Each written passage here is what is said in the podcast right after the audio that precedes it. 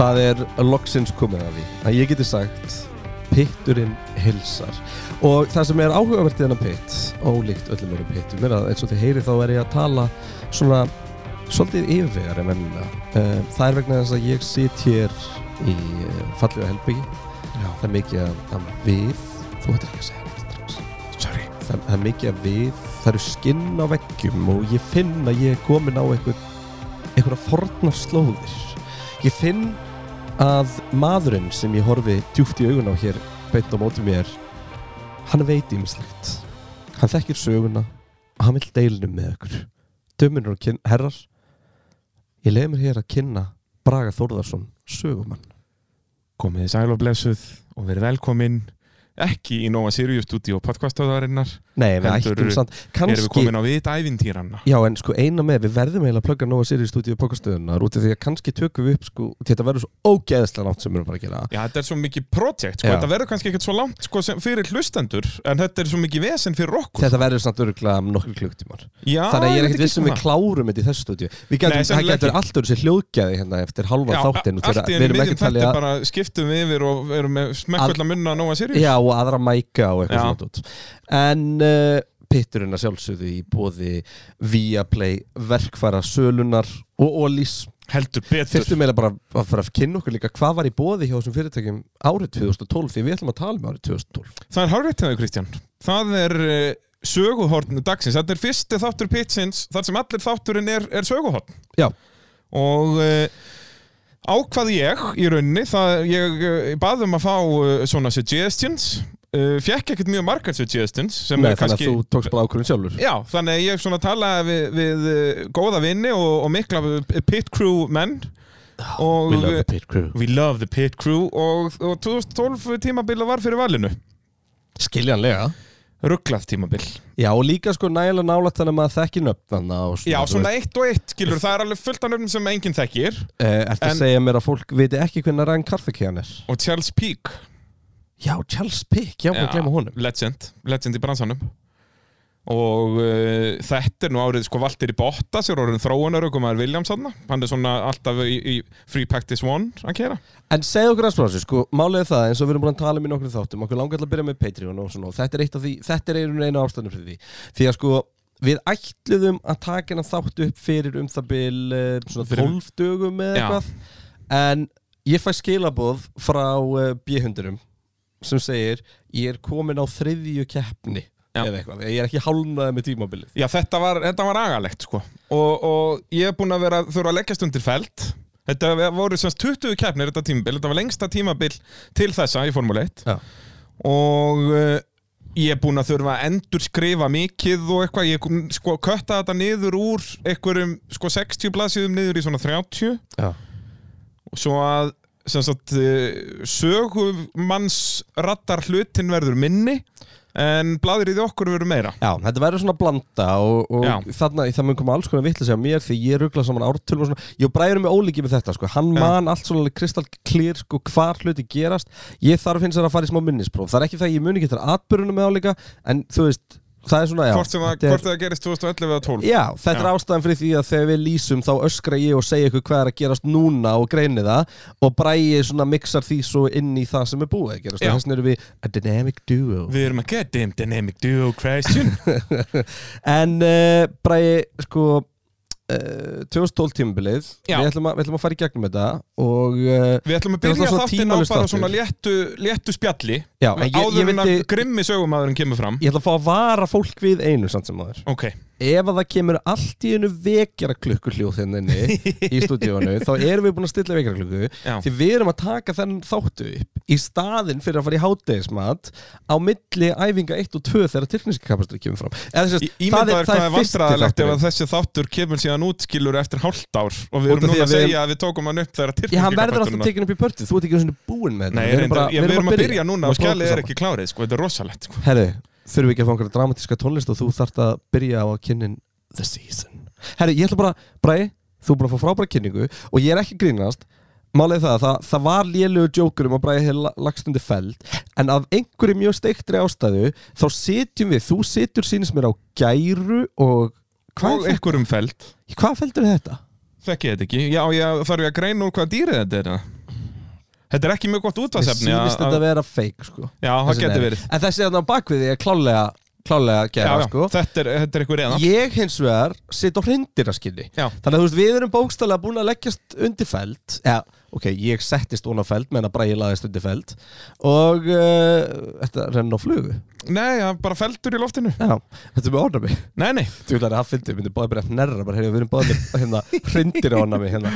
En sérst af einhverju mjög steiktri ástæðu þá sitjum við inn í stúdíu sem er með þetta allt saman bara hér. Bara bing, bara búm. Uh, 2012 tímubili, ef við förum aðeins inn í árið 2012 að það sem sagt uh, þarna eru bílar uh, þessir ljótu bílar með breiðu framvængina og mjóa afturvængina. Já, reglan sem Sebastian- kom uh, 2009 Sebastian Vettel er ríkjandi hersmestari Já, það er sérst reglubreitingan komið 2009 og það er fræg árið sem Brón vann. Það er nú eitthvað árið sem við þurftum að fara eitthvað tíman yfir í, í söguhotni uh, Svo, uh, sérst Red Bull voru þá mjög góðir og voru nálætt í að ná Brón setnirhluta tímabils 2009 út af því að þeir höfðu efni á að þróa bílinn sinn nema Ross Brón uh, átti ekki neitt slíkt. Hvernig voru reglubreitingar fyrir 2012 tímili? Voru einhverja stórar?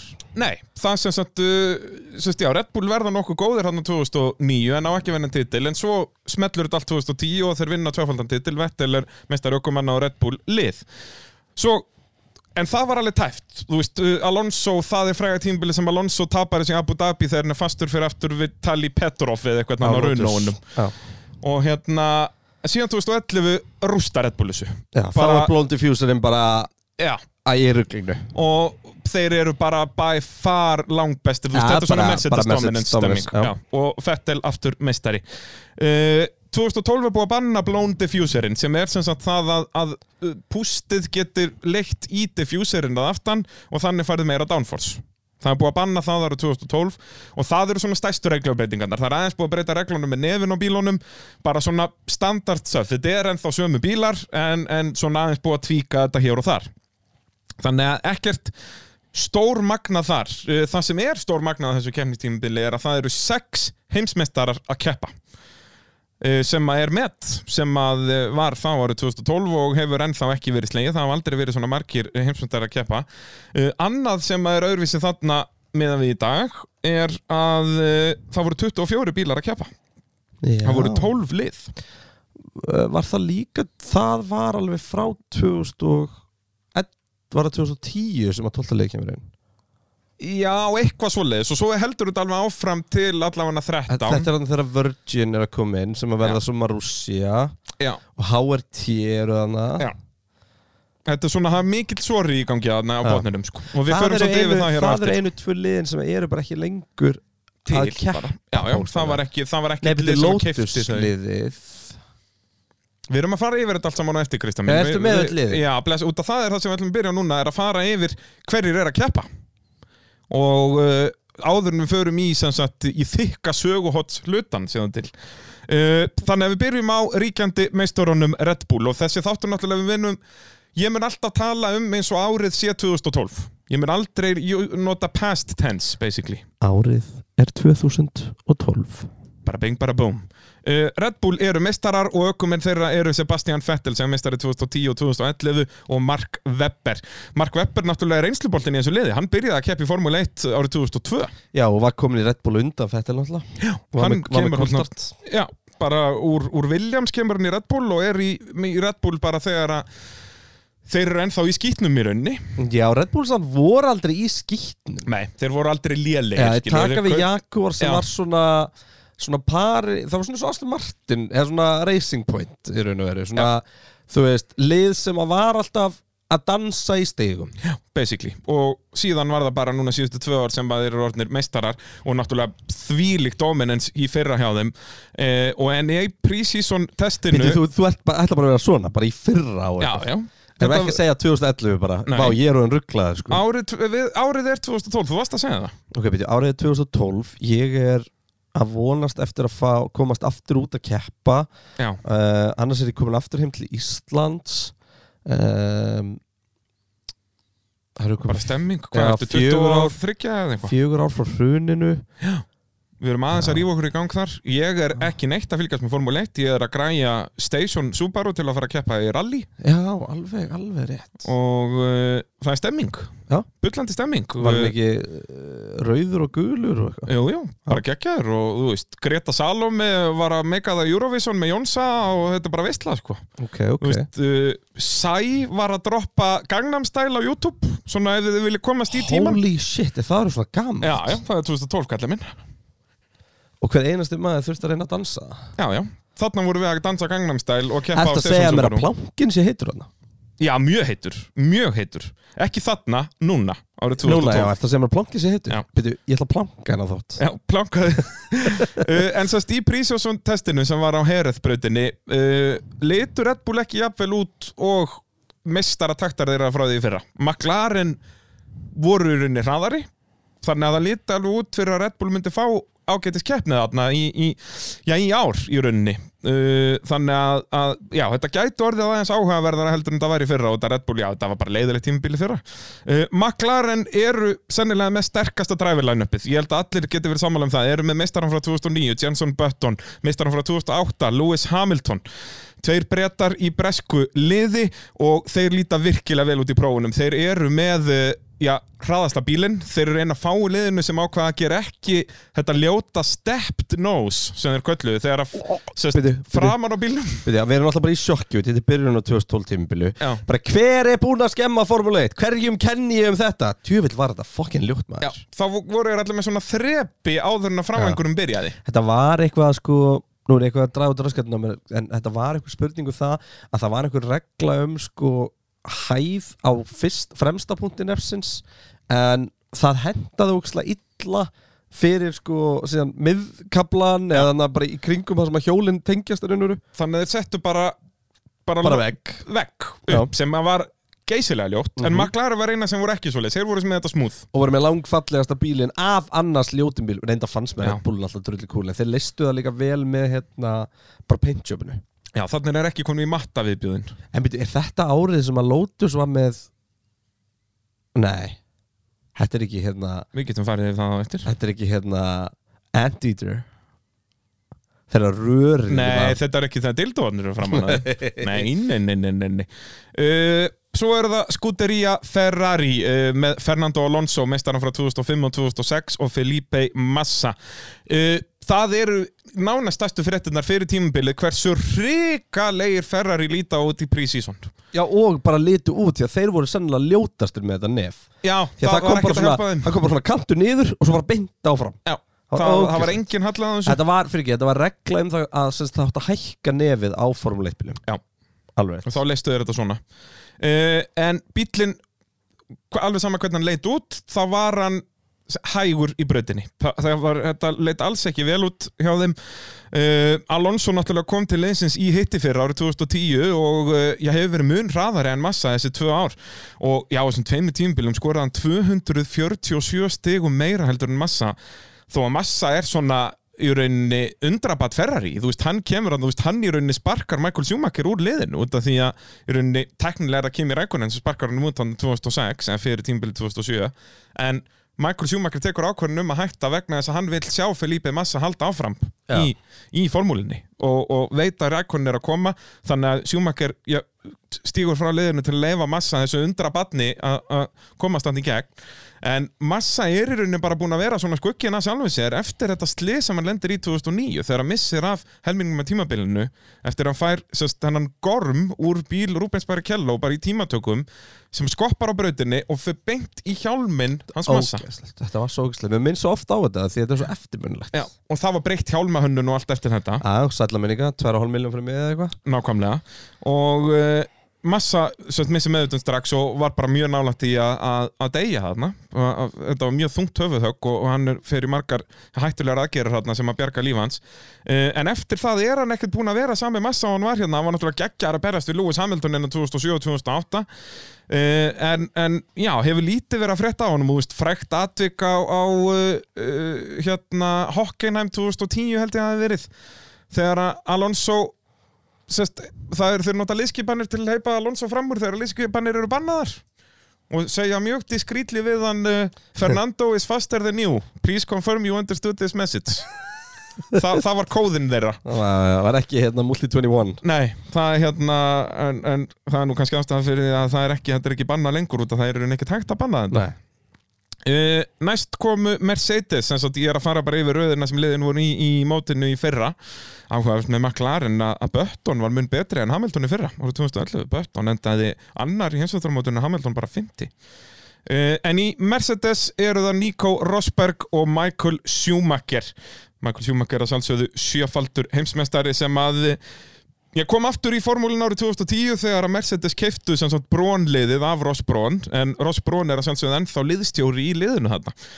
Uh, og uh, Nico Rosberg hefur nú haft yfirhöndina gegn Michael Schumacher þessi fyrstu, fyrstu tvö ár en Schumacher svona já, hefur átt ágætis kapla en, en Rosberg virðist vera sterkari en, en, en Michael síðustu, síðustu tvö ár. En liðið komi ágætlu út af prófunum og Mercedes gæti verið núna Dark Horse-inn. Og gæti út að þeir eru náttúrulega að dæla peningum í, í sportið, þeir eru eigða jafn mikið í þetta og bara McLaren, Red Bull og Ferrari en hafi ekki haft árangur til að sína það. En, en núna 2012 að það geti verið tímabili sem að, Já, þeir loksins var að skilja ykkur um árangri því að, að það hefur ekki verið mikið um það e, núna fyrstu tvö árin með Mercedes aftur í sportinu. Mercedes kom aftur bara síðan 1955 í rauninni þó er hafa verið vélaframlegandi uh, í millitíðinni fyrir McLaren til dæmis.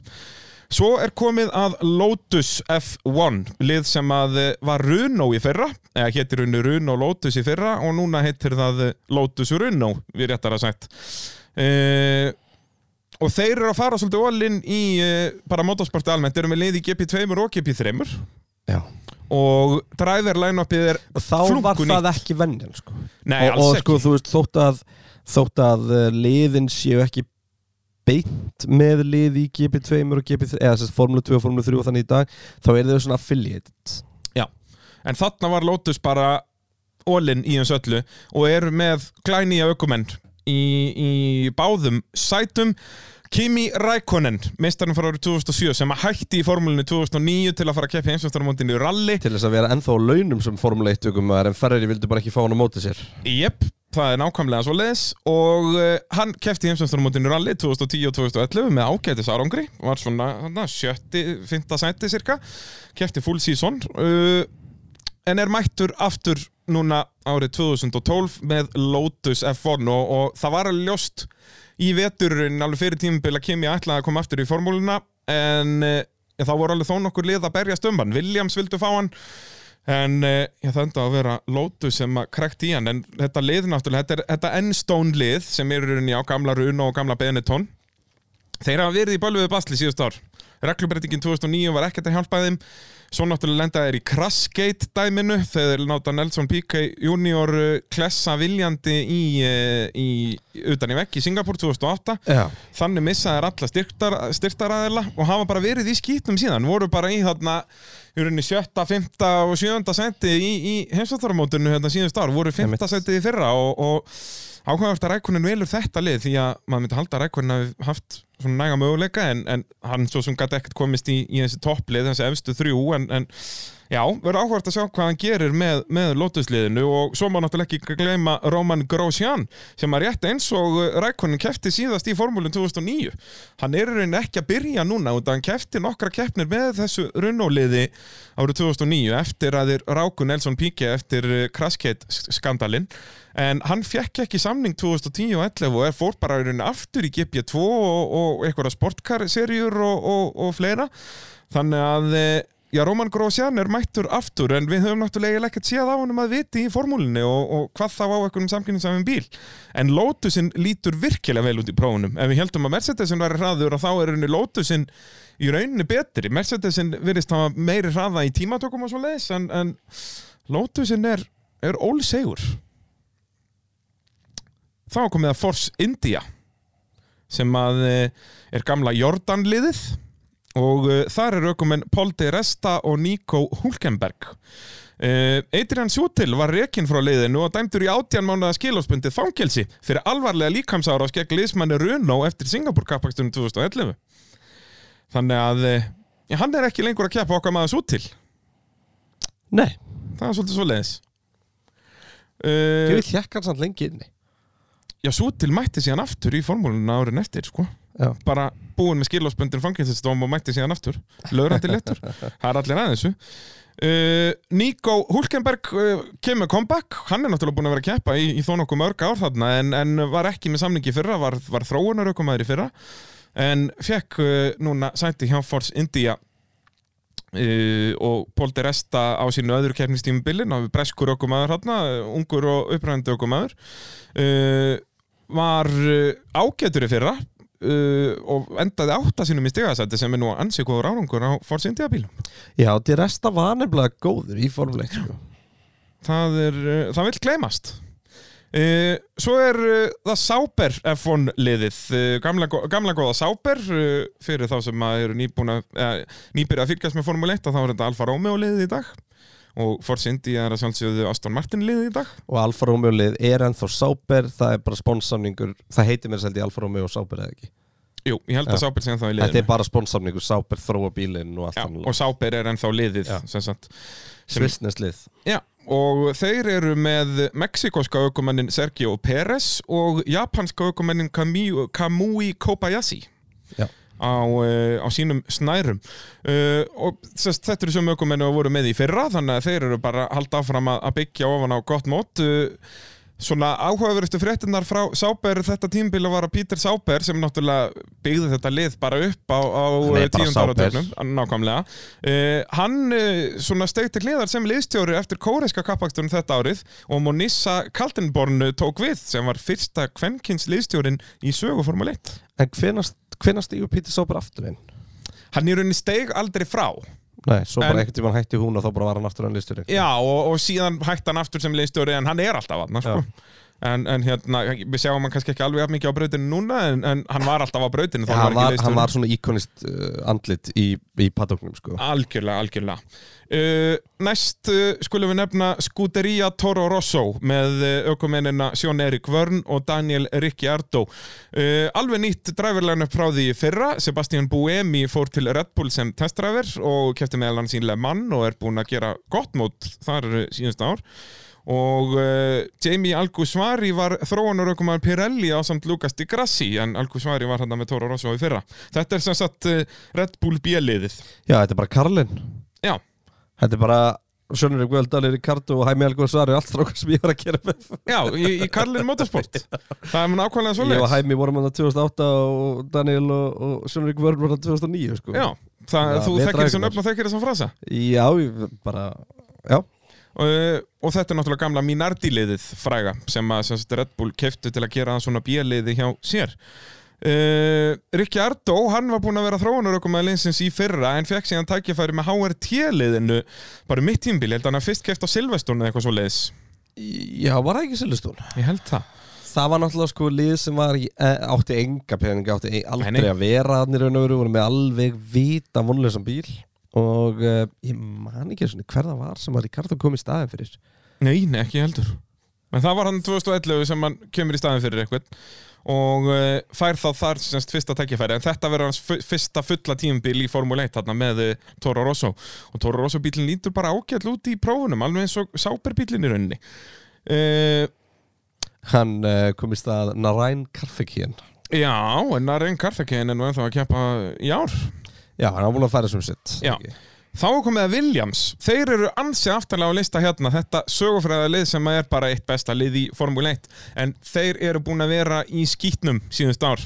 Það er ótt að segja það Bara eiginlega frá því að BMF samstæði hætti. Já, það er nákvæmlega svoleiðis að að BMF ákvað að gera þarna vörkslið með Sáberi mitt Sáber eru vanir því að gera svona vörkslið en vera ennþá Sáber uh, og skildu Williams eftir og þeir hafa verið bara með einhverjar Cosworth-vélar og Cosworth-vélar og eitthvað. Runo-vélar og á þessum tíma þá, þá var svona standardvél í formúlinni þá semst þegar uh, vélabreitingandi komu síðustu sem ég man ekki alveg hvað áru var þá var raun og verið ákveðið að sko öllu með að þróa svona vél og allir vélafélmyndi með að þróa svona vél en formúlan gerði samning við Cosworth um að, um að framleiða eina svona standardvél sem að var aldrei hægt að banna neinum að kaupa. Hún bara kostaði þetta og þú bara keftir henni þú basically kaupir hana bara af Formule 1 þó að þetta sé Cosworth vel, Já. þú veist, þú kaupir hana við svona Cosworth en, en Formule 1 segir bara við Cosworth gerið þið svona vel Já. og hún mun kosta svona mikið. Emitt sem er bara svona basic og customer vel. minnir að það hefði verið, þú veist, Williams hvað var ekki, Williams Kerskerfi sem kom með og eitthvað svona dot Jú, einhver og, og McLaren tölvubúnaði og einhverjum Já, svona, svona alls konar samblending úr, úr öllu saman. saman, Uh, en náttúrulega Williams, þetta stórveldi formúlunar er bara mjög slemstað, enduði nýjunda seti í mótunni fyrra sem er vestu ánangur liðsins síðan 1983 og liðið náttúrulega byrjaði að keppa 79, þú veist, þetta er bara, já, í rauninna liðið á einn slem stað að við nokkuð tíman verið. Uh, með ökuminna Bruno Senna sem er í rauninni Senna er bara reject frá Runo hann var Runo í fyrra og fekk ekki nýjan samning og kemur hann til Williams þannig að það er nú ekki alveg frábæristu kostur og svo er hann með Pastor Maldonado sem er að borga fyrir að vera í formúlu.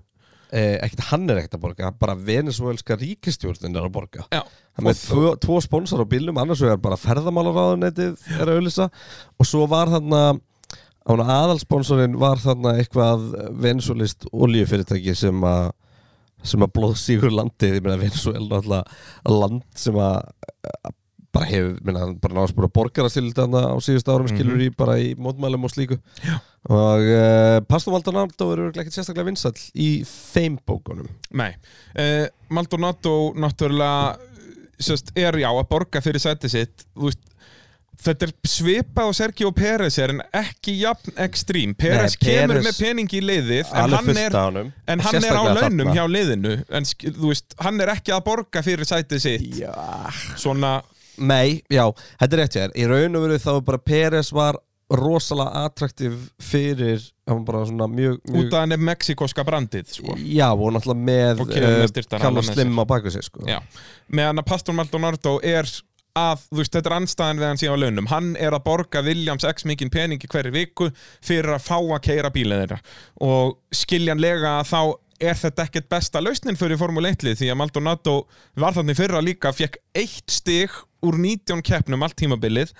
Uh, var ekkert að gera neinarósir bílið náttúrulega alls ekki góður og, og Já, lítur ekkert sérstaklega vel út eins og segið, með Bruno Senna sem er reject frá Runo og, og Pastor Maldonado sem er að borga fyrir sitt sæti. Þeir við ætluðu að fá Rækonen en, en Rækonen sá bara í hvaða standi liðið var og, og, og tók þetta bara ekki mál og, og fór frekar til Lotus sem var svona örlítið betri stað. En, Já, og voru líka að dæla í þetta. Já, nákvæmlega. Uh, Svona eini ljósipunkturinn hjá Williams er að þeir eru búin að losa sig við þessa Cosworth-vél sem er svona bara standardvélin og gerðu samning við Runo sem að lofa alveg góð það er svona romantik í því því að þeir náttúrulega Williams og Runo unnu þarna fullt af Já, titlum. og þannig er Runo bara ríkist í heimsmyndstari nákvæmlega Með Red Það- með, með Red Bull og, og, og svona þannig að það lofar alveg góðu. Þeir voru þarna náttúrulega alls er áðandi 89 til 97 uh, Williams og Runo þannig að, að það er kannski smá bjart þarna og, og þeir ætla allavega ekki að lenda í níunda sæti aftur. Þeir vilja fara eitthvað upp listan. Svo erum við konir í skítin Kristján.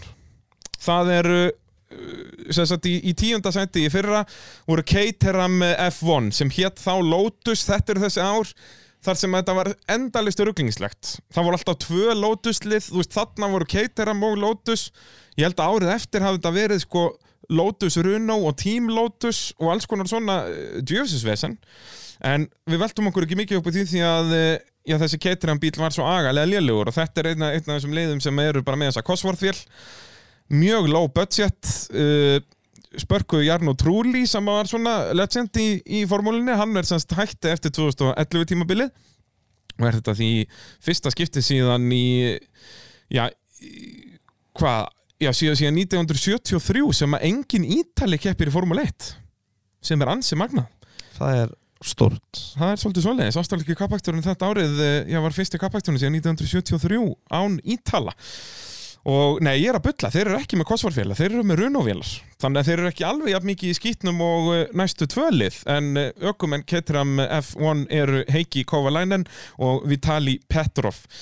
Eh, Vitali Petrov kemur frá eh, Runo þess að slótus Runo frá því fyrra. Eh, Svo erum við með þessi tvö auka lið í rauninni. Þessi lið er ekki lengur í dag eins og við þekkjum í dag eru bara 10 lið í Formule 1 en uh, þarna voru þið 12 og 11 og 12 liðin eru HRT þar sem Petro Della Rosa og Narain Karthikeyan er að kera ég ætla að fá að hoppa hérna inn því ég hef mjög gaman að því sem að þú skrifar hérna sem lýsing á þessu liði. Og hún, hún er lúmslýsandi. Já þið eru búin að taka eftir því að ég er alveg Hispania Racing Team Já, sem að er uh, nýtt brand á mjög svölu liði sem heitir Campos. Og er svona lang, lang stærsta spænska liðið og var, þú veist, íkipi tveimur og öllu þessu. En hér stendur einfallega Sori með Cosworth-vélar já Þið eru búin að taka eftir því að ég er búin að tala alveg svona komið nokkra punta um eitt liðin. Þetta er eini punkturinn sem ég kom með um HRT og næsta lið fæðir svo annar Sori með Cosworth-vélar Já. Og uh, sem sagt þannig eru Petro Della Rosa já með HRT er Petro Della Rosa sem er bara búin að vera basically þróunarökum með allt sitt líf. Þannig er hann orðin, þú veist, 38 ára. Ársala var hann fastur í því rólegur á 38 ára hvað er hann gammal?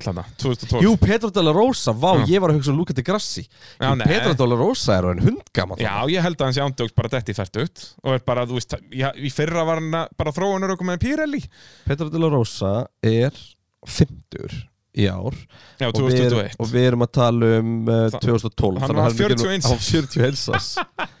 Legend, En hvað, kemur ekki nefn 40 nákvæmlega uh, Narain Karthikeyan, eitthvað aðeins yngri indveskur okkumaður, hann er náttúrulega Indland alltaf að vera sterkar og sterkar, við erum með indveskan kappakstur sem kom inn í fyrra og, og hérna Þannig að, að, að það er svona áhugavert að vera frá Indlandi en Karthikeyan svo sem engin ökumæður. Svo síðasta liðið er Marussia sem að eh, var sagt Virgin Racing í fyrra og þarna eru Timo Glock og Charles Pick alveg nýtt line-up afskaplega óspennandi.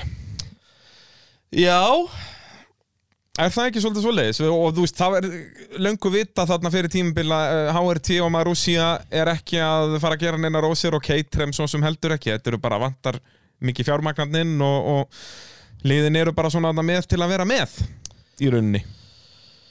Já, sko, Virgin voru náttúrulega að reyna Virgin voru svolítið undan þess að smá Rússja sem var alltaf Virgin að undan náttúrulega voru svolítið á undan sinni samtíð í þróun bílsins. Þeir notu ekki vindgung og þannlega Mm -hmm. það var allt gert í svona fluid eh, CFD-teknikum og, og þannlegu.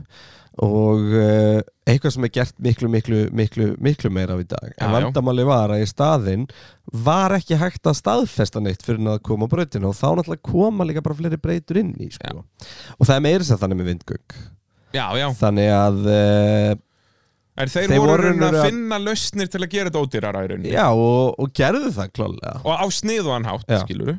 en bílinn var svo Já, og það er eins og ég segi, fjármagn hann var ekki svona hraða. cool sem var pínu leðilegt maður bjóst Já. alltaf við að Virgin myndi mæta með ógeðslega cool bíl og var, já, Marussian var alveg svona var lúmskúl svona vantaði, já, þetta var svona aukabíl í kapastleik já, þetta er nákvæmlega svo leiðis en þetta var líka bara aukabíl í Formule 1 En Marussia voru hann, þetta er náttúrulega rústnensku bílaframlegandi sem kefti hann að Virgin hvað gerir Marussia í dag? Er það ennþá til? ég ætla að googla það. Það Uh, en uh, svona áður en við förum beint í fyrstu keppni tímabilsins að þá er kannski verðt að taka fram að þetta er lengsta keppnistímabil sögunar in April 2014 the Marussia Motors Company was disbanded. Boom, þá vindum við það. Það er Marussia fyrir á höfuð þannig að tveimur árum eftir 2012 En en voru að búa til sko algjöra superbíla já, já, þetta var bara supercar dæmi sko, þeir voru ekkert að gera eitthvað hatchback-bíla sko. Ljóta samt. Já, já, það, er, það verður eitthvað að vera í því. Allir þessi supercar eru svo flottir að vera eitthvað að gera ljóta. Það var þetta reynd cool Nú, já, já. E, Þetta er, eins og ég segi, lengsta keppnistímbil sögunar 20 keppnir.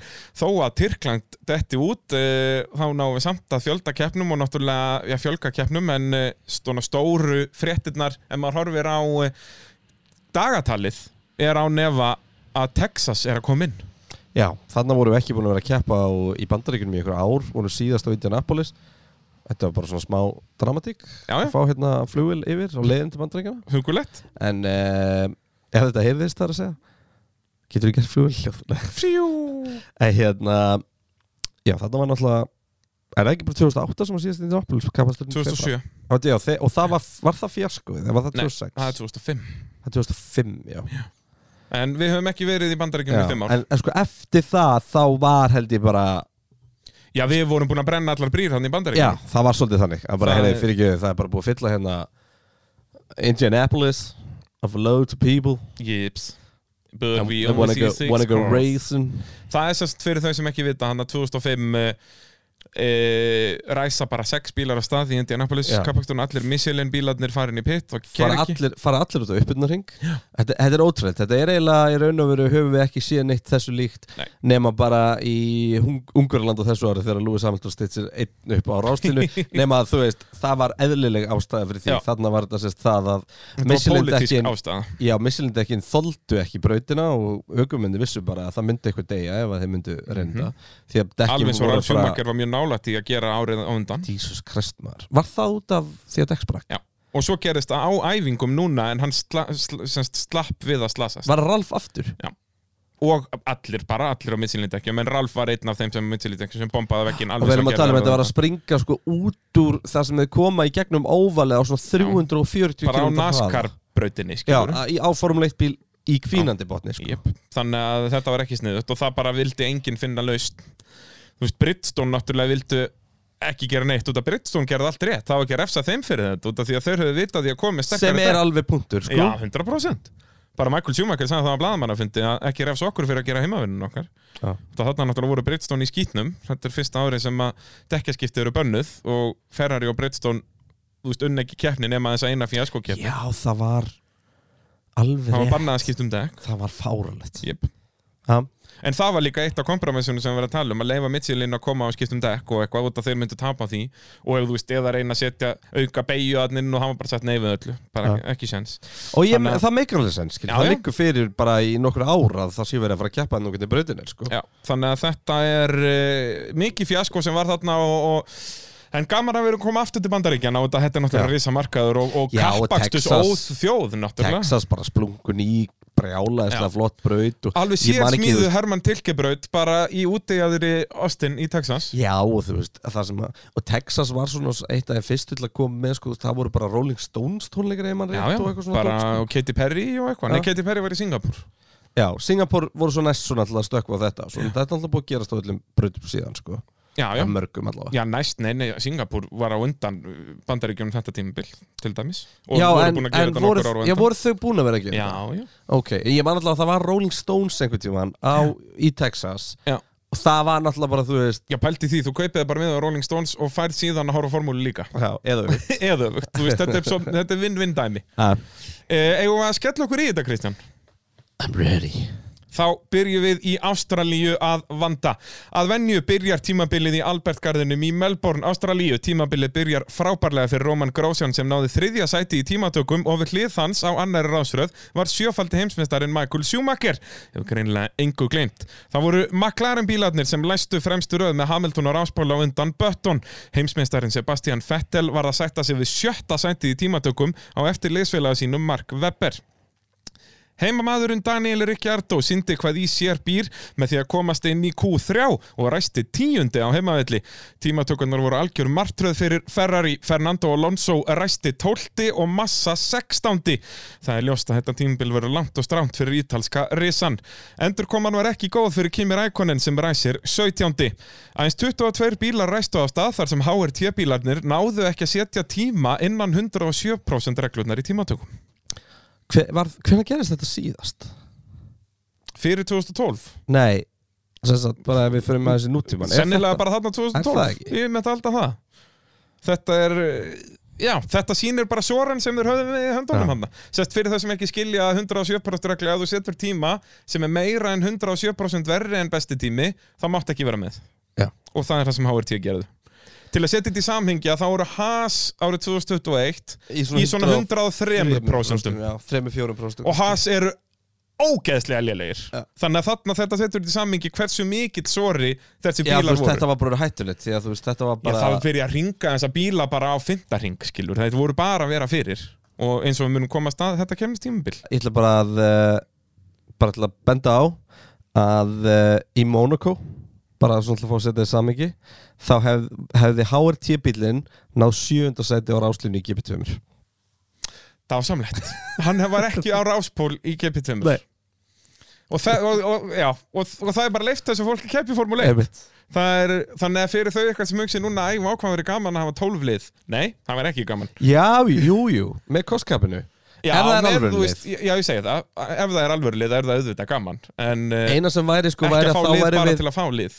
Nei, en eina sem er oft með þú fjölgar liðum að sko þá, þá, þú veist, í dag erum við með þrískiptaformúlu þar sem að þú ert með uh, við erum í raun og verum með fjórskiptaformúlu nú er ég að tala um 2021 Já.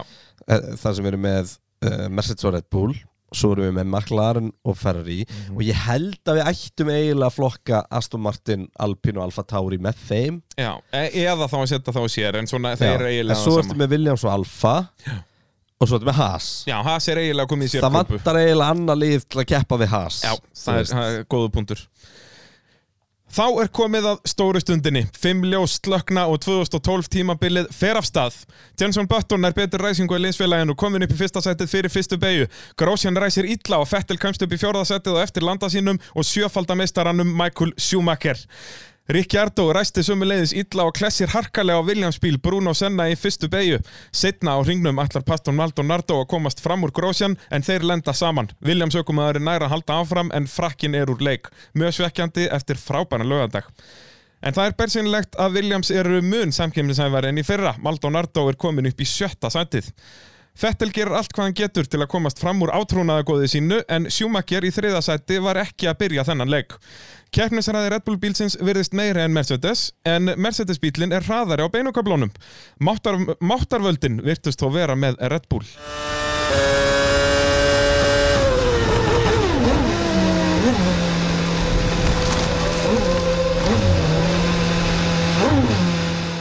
third gear basically. Third gear's done. Uh, third gear's done now as well. Okay, Michael. Next car behind is Glock, 12 seconds. Can I do something, guys? Uh, negative, Michael. Negative. Nothing we can do.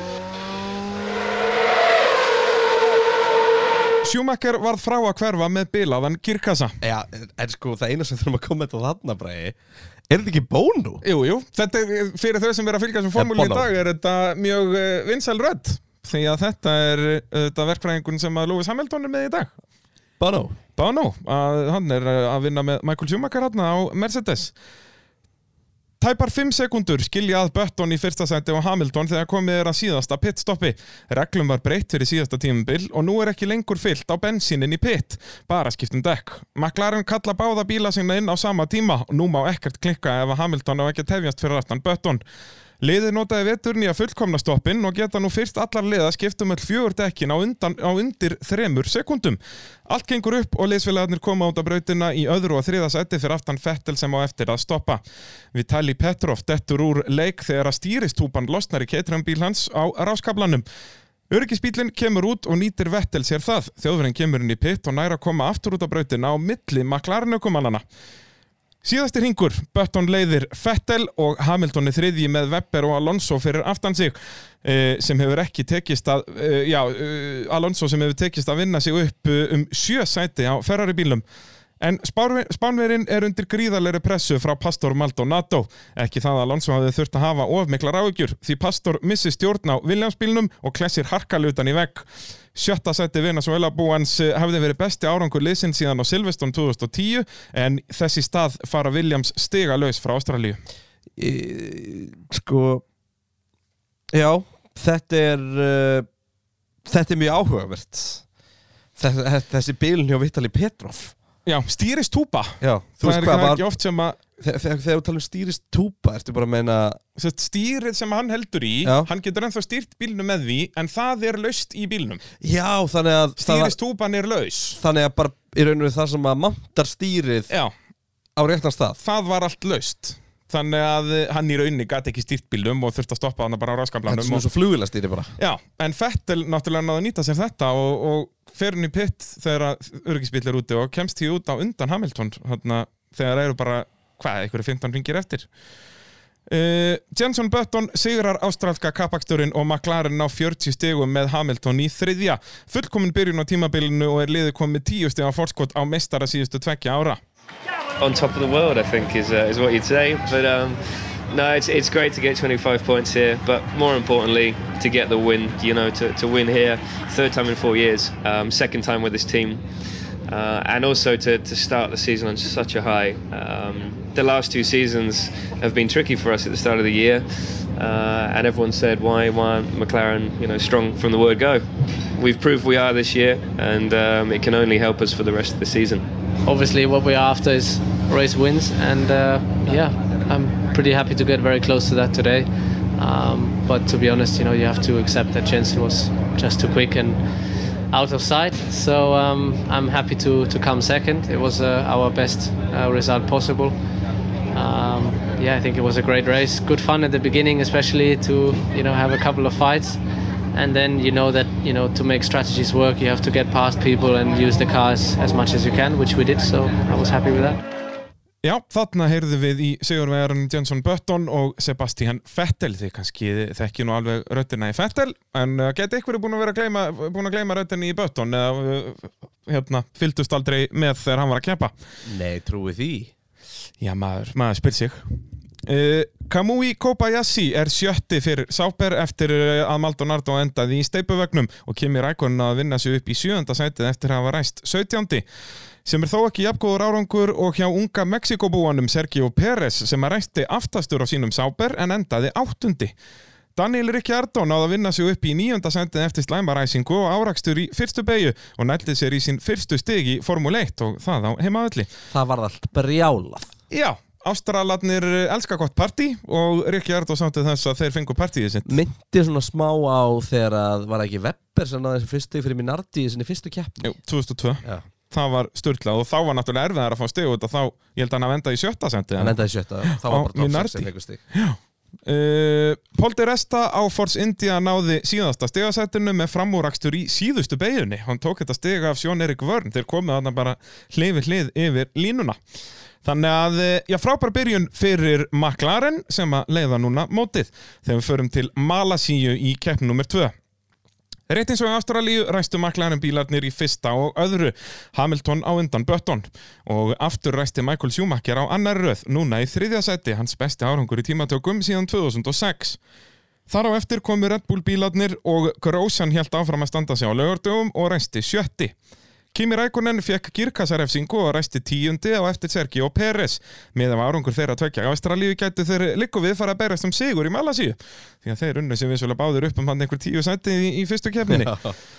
HRT náðu þeim árangri að vera með að þessu sinni og tóku sjensin á sunnundeginu með því að ræsa á blöytudekkjónum og meðan allir aðrir voru á grænmertu vætudekkjónum á votri brautinni í Malasíu. Roman Grosjean ræsir langbest og er komin upp að hlið Michael Schumacher í fyrstu beigju en þeir lenda saman í fjórðu beigju og detta niður í aftasta sæti. Þetta var klöfalegt, Kristján. Roman Grosjean, eh, ég hætti að skrifast alveg á hann. Já, Það er, þetta er semst fjórða beigjan hann í Malasíu, þetta er hægri beigja. Já, ég man vel eftir þessu, þetta Já. var mjög blöðurlegt Já, algjörlega og náttúrulega rig- eh, hérna eh, brautin rennandi blöð og uh, erfiðar aðstæður en svekkjandi fyrir þá að þeir náttúrulega snúast báður þarna og eru komnir í síðasta sendi. Aftur lendi Maldonado í atviki á fyrsta hring og nú er það við liðsfélaga sinn Bruno Senna. Senna þarf að fara inn á þjónustusveið og fá nýjan framvæng.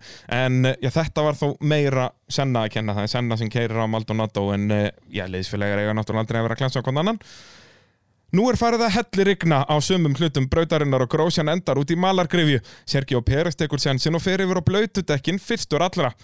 Eins og oft gerist í Malasíu, í, eh, já, gerist í regnstormunum í Malasíu er brautin algjörlega á floti. Öryggisbílinn er kallaður út og rauðum flökkum veifað. Það þarf að stoppa keppnina. Toro Rosso gerður á fyrir þessu og heldur Sjón Eirik Vörn úti á brautinni á vætudekkjónum. Hann er því í sjöönda sæti í enduræsingunni.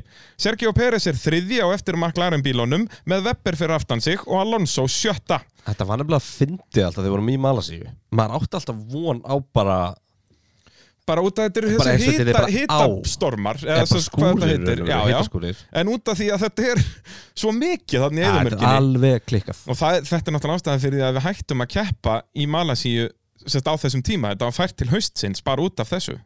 Og samt ríkti Já, það, það, var, það var ekkert að hjálpa okkur hann í Malasíu uh, fer, inn á vætu, uh, fer fyrst inn á vætudekkin eftir enduræsingu fyrir aftan öryggisbíl Hamilton eldir einum ring setna en pitstoppið er langt og hann missir Alonso fram fyrir sig sem hafði tekið fram úr Webber einum ring fyrr Jenson Button er vanur að taka fram úr HRT-bílina Reyn Cayenne en vandamáli í þetta skiptið er að indverðin er ekki ringa á eftir. Þeir lenda saman og Button þarf nýjan framvæng. Ríkalega svekkjandi þarna fyrir Button að, eh, já, þú veist, þurfti að taka fram á Carthy Cayenne en það var engin bláflögg, basically. Þannig að Carthy Cayenne gata alveg fætað hann aðeins. Já, og líka bara svona snemma á tímabilinu þegar að McLaren lítur svona vel út Nákvæmlega, nákvæmlega. Og eins með stoppið á Hamilton að vera að tapa stigum þarna og að- reyna að ná að skipta um all dekkin á undir þreymur sekundum. Peres kemur inn á ring 15 fyrir vætu dekk. Hann kemur út rétt á undan Fernando, uh, já, rétt á undan Fernando Alonso, en Spanverinn hefur meira grip og kemst fram úr í annari beigju og upp í fyrsta sendið. Á 40 á 40. ring kemur Alonso inn. Ferrari setja notuð millihördekk undir bílinn. Einum ring setna kemur Peres inn og fær ný hördekk undir sáperbílinn og kemur talsvert landa á eftir Alonso út á brautina. Þannig er náttúrulega brautin orðin, já það er alveg orðin greinileg þurr akstuslína. og þetta, þú veit augljóslega að setja ástæðu hérna, það er ástæðu fyrir að segja okkur að, að það fari notuð millihörðu dekk bíl undir bílálónsó, dekk undir bílálónsó er eitthvað skýring á því? Það er bara, semst, á- það er það besta sem hann átti í Já. rauninni. Það er, hann var búinn að nota allt í, í tímatökum. Náttúrulega Ferrari voru svo hrikalega lélegir í tímatökum að þeir þurftu alltaf að nota mun fleiri dekki en aðrir bara til að reyna að komast upp í sjönda setið sko. út af þessi Ferrari bíl náttúrulega var ekki, ekki samkjöfni sæfur svona þannig séð. Uh, Fettel er að ringa Carthy Cayenne en keirir fyrir, fyrir hann á beinum kabla. Vinstra afturdekk fer í framvæng KRT bílsins og springur.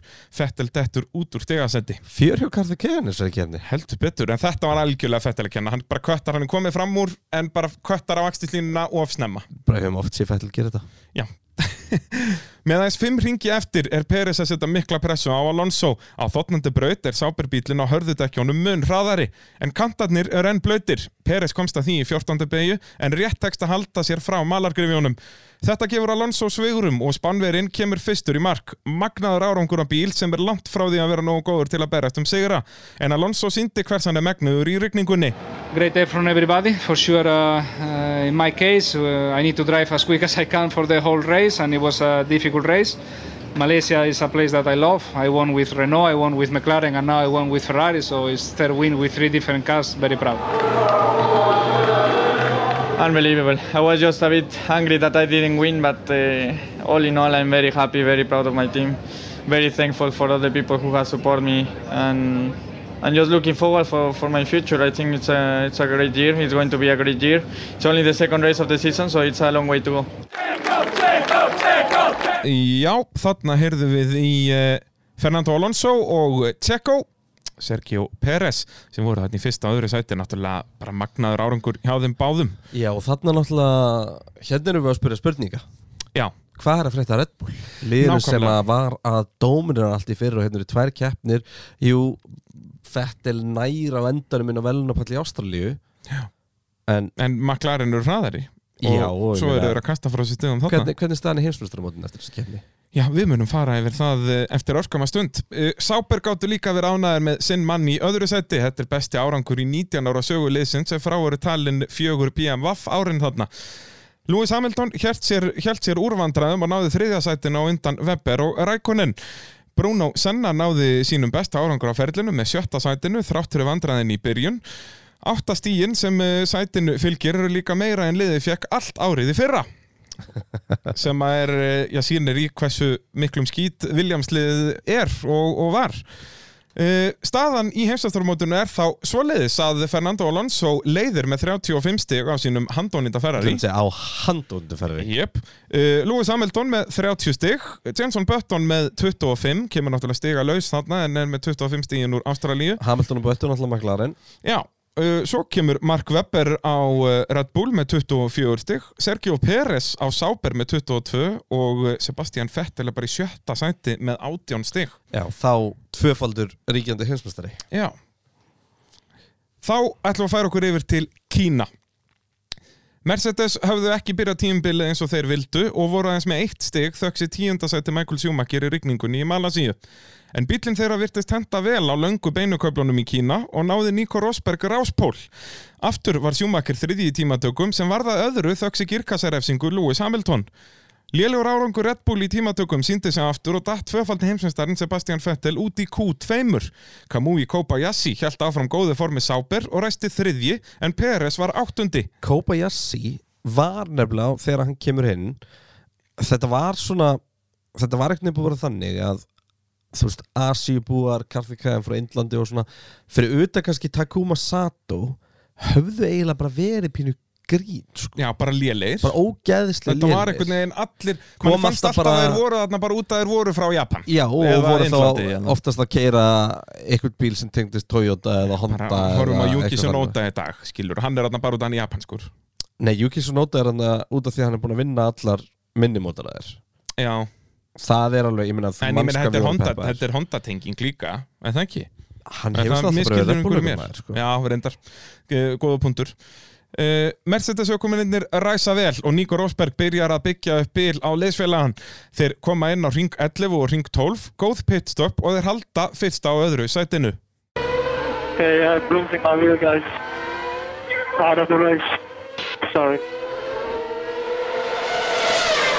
Gríðarlega svekkjandi fyrir Michael Schumacher.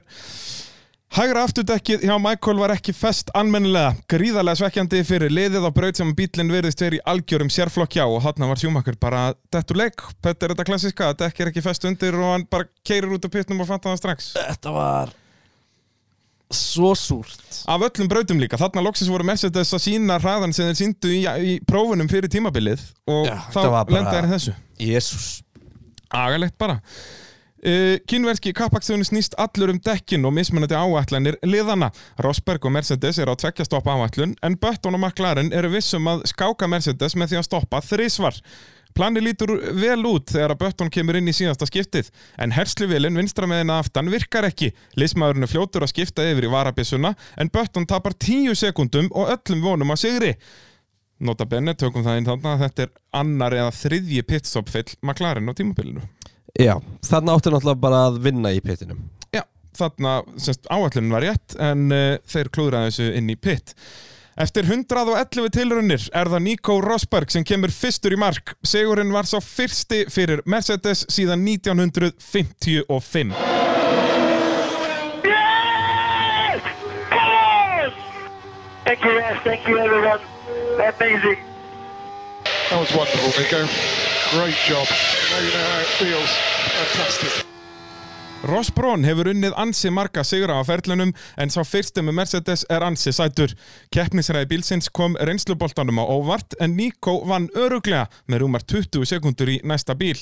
Nú er stóra spurningin, eru Mercedes komnir til að vera á toppnum? Fettel vann sig upp í annað sætið á tveggjastoppa áætlun en undir lokin kláraðan dekkin og þryggjastoppa McLaren bílarnir flugu fram úr ásamt Webber. Þannig Sebastian var að sætta sig við fymta sætið í Kína á undan Grosjean, Senna, Maldonado, Alonso og Kobayashi. Og þá er nú staðan orðin, ég hef bara enn áhugaverðari Kristján í heimsastarabútinu. Það var náttúrulega það sem þetta tímabil hafði Það var, þú veist Það er ástæða fyrir við erum að fjalla um það. Akkurat Og uh, þú sér það, nú erum við búin að Það eru þrjár keppni búnar Já. Og það er uh, McLaren, Ferrari og Mercedes sigur. Já, þrýr mismunandi bílar búin að vinna fyrstu þrjár keppnar og þrýr mismunandi Hvað Button Button vann fyrstu Alonso, Alonso aðra. og Rosberg þriði. Og ef ég maður eftir ekki Hamilton efstur í heimsmestarabóndin eftir þessa keppni? Jú, svo er erum bara- við með stöðina hérna fyrir framann okkur og það er Hamilton með með 45 Já, stig, einmitt. Button með 43 og þannig er McLaren í fyrsta og öðru. Uh, Hamilton náttúrulega búin að vera svo lítið stigasöfnum, búin að vera velun, velunapall í öllum keppnum uh, Alonso uh, í þriðja með 37 er þarna, já, 8 stigum eftir Hamilton. Og svo koma Webber með 36 og Vettel með 28 en þá talsveit landa eftir ríkjandi heimsumstarinn og McLaren eru þá að byggja upp ágætis fórskot á Red Bull, uh, McLaren með 88 stig, Red Bull 64 Ferrari 37, svo koma Sauber og Mercedes aðna fyrir aftan, Mercedes komið almennilega á blað upp í 5. seti kannski ágætt að taka fram að stigakerfið 2012 er eins og verið í dag 25 stig fyrir fyrsta sæti 18 fyrir annað, 15 fyrir þriðja 12, 10, 8, 6, 4 2, 1 í uh, uh, niðra tíundasæti Nákvæmlega, bara alveg, eins og í dag nema það er ekki auka stig fyrir hraðasta hring, það er einu munurinn Fjórða umferðin fer fram í eigðumörkin í Bahrein, en Formule 1 er langt frá því að vera velkomin af heimamönnum. Hér ríkir borgarastyrjöld og þykir Bahrein búum fáránlegt að ríkistjórnin skuli eigða hundruði miljóna í að fylgjast með bílum keira í ringi að meðan að fólk á ekki efni fyrir mat.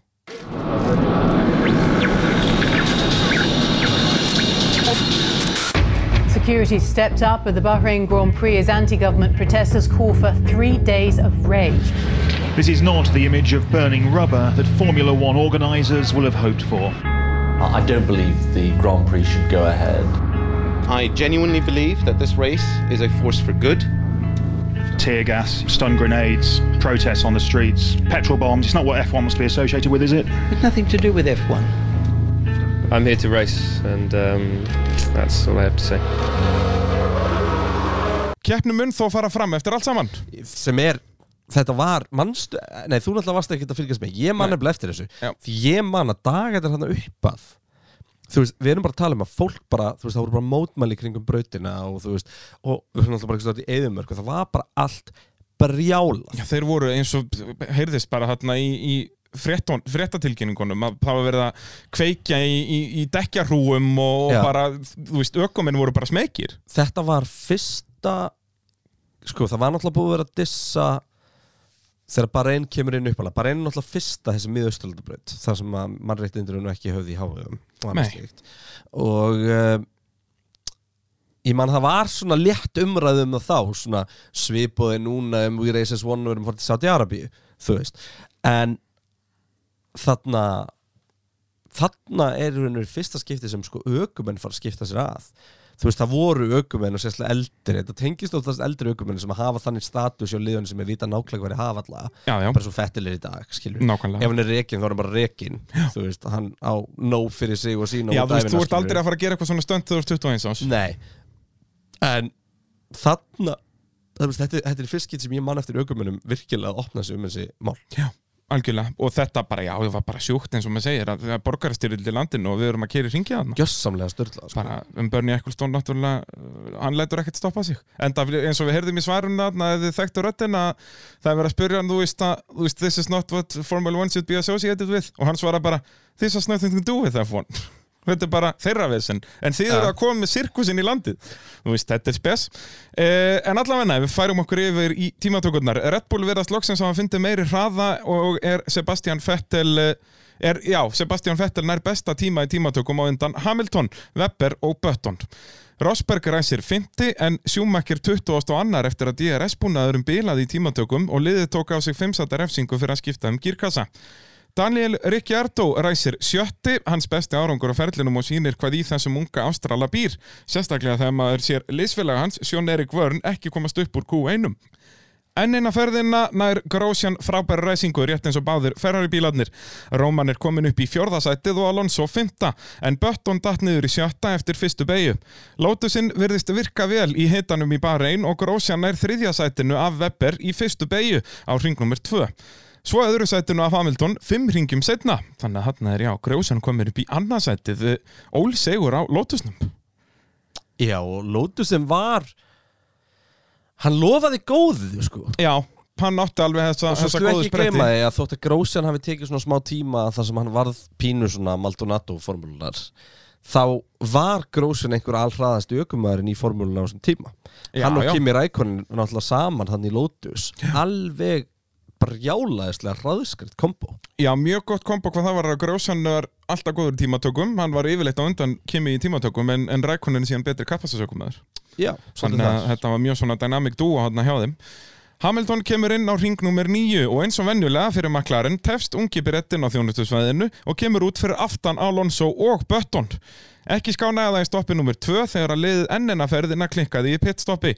Hamilton hafði dottið niður úr þriðja niður í sjötta og nú niður úr sjötta niður í ellefta á meðan Alonso var að reyna að komast fram úr Rosberg. Okay, he pushed me off the track. I think you have to leave a space. All the time you have to leave a space. Þetta er svona legendary reyti á hátna frá Alonso. Já, og hefur verið pikkað upp ansjótt síðan Já, heldur betur, heldur betur. Rosberg varðist vel og hleyfti tvöfaldameistarannum ekki fram úr.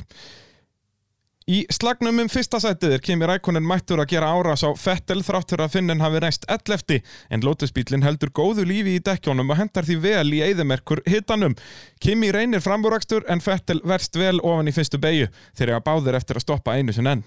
Jenson Button pressar á Polti Resta í slagnum um sjötta sætið áður en að vinstra afturdekk springur á McLaren bílnum og ef það var ekki nógu slæmt að þá springur Mercedes vélinn nokkurum ringjum síðar.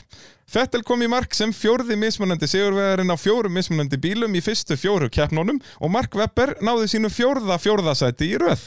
Fjó, Fjórir er svolítið líkiltalin hérna í þessu Já, fannst þetta ekki Var skemmtileg það þarna setning sem að? Hamilton ákveða að vera nummer 44 eða? Ég held að hann hefur hort á þetta Magnaður árangur hjá Lotus sem að klára með báða bíla á velunapalli Rækonen annar á undan Róman Grósjan Rosberg hjælt 5. sætinu og Poldi Resta náði besta árangur á ferlinum í sjötta Fernando Alonso var sjöundi mínútu á eftir Fettel og er ljóst að Ferrari þurfa að gera einhverjar betrumbætur ætla að liði sér einhvern árangur í ár Hamilton náði að vinna sig upp í áttunda sætið Kristján, þá er staðan breytt. Býtu nú við. Þetta er vekjara klukkan okkar. Það er svoleiðis. Er, Þurfum við að fara að lýsa formúlu? Ég ætla að slökka á hann eða uh, Það stýttist í það, já, við klárum að fara yfir barinn Ánum við tökum okkur Svolítið langt podcastlið Já, við En vitum þið ekkert fyrir hvenær við ekkert komum að aftur. Þú veist, við munum lýsa einni æfingu inn á milli uh, Staðan, þannig Fettel komin upp í fyrsta seti Já, sem að var uh, fyrir þessa keppni Í hvað, fymta? Í 1, 2, 3, 4, 5 Já, Já. var í fymta sæti Og- Einmitt og Fettil allt í einu mættur Loksins búin að vinna eftir fjóra keppnir Já, tók hann fjóra keppnir En og sko, ef við pælum líka bara aðeins í þessum fyrstu fjórum sko, Fettil er átta með 53 stíð í fyrsta sæti Hamilton með 49 öðru Webber með 48 í þriða Þannig að Red Bull er í fyrsta og þriða sæti Já. Button með 43 og Alonso með 43 þar fyrir aftan. Og Red Bull, nota bene Orðin uh, kom með fyrsta sæti í heimsmeistaramótinu. Náttúrulega, McLaren fá bara stig, nei fjögur stig stig, keppni fjögur stig Lotus upp í það þriðja, upp fyrir Ferrari Já, Ferrari dottnir í fjórða seti, pælti því Út af Og sko- massa er náttúrulega ennþá eiginlega bara stiga laus En ef við spáum að þessu, þetta eru fjóra fyrstu keppnar og við erum að tala um að Bötton vinni fyrstu, Alonso aðra, uh, Rosberg. Rosberg var þriðju og uh, Vettel. Fettel fjórðu. Þannig að þetta eru fjóri mismunandi sigurverar á fjórum mismunandi bílum Já. í fjórum fyrstu keppnum Þetta er svo styrla dæmi, sko Og sko, en það sem er ennþá magnara er að á velunapalli fram að þessu er búið að vera náttúrulega Red Bull, Ferrari, McLaren og, og svo náttúrulega Mercedes sem var kannski ekkert gefið. Nei, nei. En þessi fjögur er búin á velunapalli Svo var náttúrulega Sergio Pérez á palli á Sauber. Uh, Þannig eru Lotusarnir í öðru og þriðja Já, já, sæti með tvo á palli, eina liði sem við náð því fyrir utan McLaren. Er, ég, er ég að gleyma einhverjum sem var búin á palli? Er, er, voru, veist, eftir fjóra keppnir var á ekkert liggur við. Hálft griddið af bílum 6 af 12 á velunapalli Nákvæmlega. Og ég gæti mér þess að gleyma einhverjum Var eitthvað skrítin í Nei. Nei, var það ekki? Byrju, í fyrstu keppni var þetta McLaren, Red Bull McLaren. Það er engin, engin, ekkert valdkart búið að vera á palli fyrir bara Hver var þriðji í, í Malsíu? Manna ekki. Byrju, finnum út í hérna. Það er ekki að skróla langt upp. Uh, eh, En það var ekki eitthvað valdkart Já, það að- er glóðið Webber eða eitthvað. Nei, hann var fjórði í Nei. Webber var, var alltaf fjórði, sko. Já. En hérna, nei, nei, það var, það var ekkert valdkart það eru, En það eru, sest, Það það var er Hamilton. mikla sviftingar í Það var gangi. Hamilton. Hamilton var alltaf á palli alveg rétt.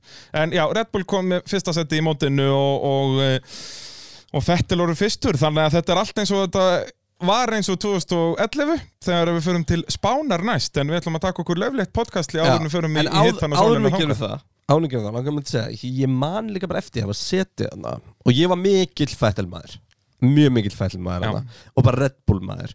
Uh, Hafði alltaf verið McLaren maður. Já. Og ég var, ég sko Þegar Hamilton er að koma upp Var ég bara rjálaðislega spenntur fyrir honum. Og ég Hérna